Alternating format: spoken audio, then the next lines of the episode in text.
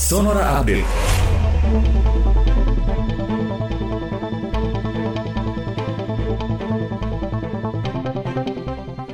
Sahabat Sonora Kepala Penerangan Kogab Wilhan 1 Kolonel Marinir Aris Mudian melaporkan 3.673 pasien COVID-19 menjalani isolasi mandiri di 44 hotel wilayah Jakarta dan sekitarnya. Sementara jumlah pasien yang dirawat di Rumah Sakit Darurat COVID-19 Wisma Atlet Kemayoran Jakarta Pusat mencapai 5.028 orang di Tower 4, 5, 6, dan 7.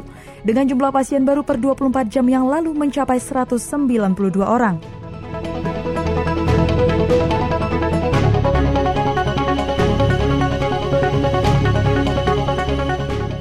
Enam unit pesawat tempur F-16 milik Angkatan Udara Amerika Serikat atau United States Air Force dijadwalkan menggelar latihan bersama TNI AU di Pekanbaru hari ini.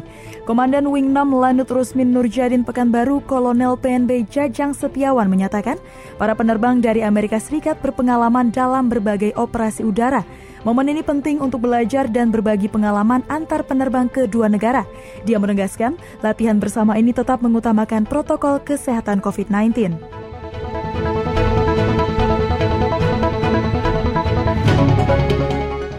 Pemerintah Malaysia menegaskan mereka akan tetap menerapkan aturan lockdown total hingga kasus harian COVID-19 di negeri jiran di bawah 4.000. Menteri senior untuk urusan keamanan Malaysia Ismail Sabri Yaakob mengatakan target tersebut ditetapkan oleh Kementerian Kesehatan untuk memastikan angka COVID-19 dapat berkurang.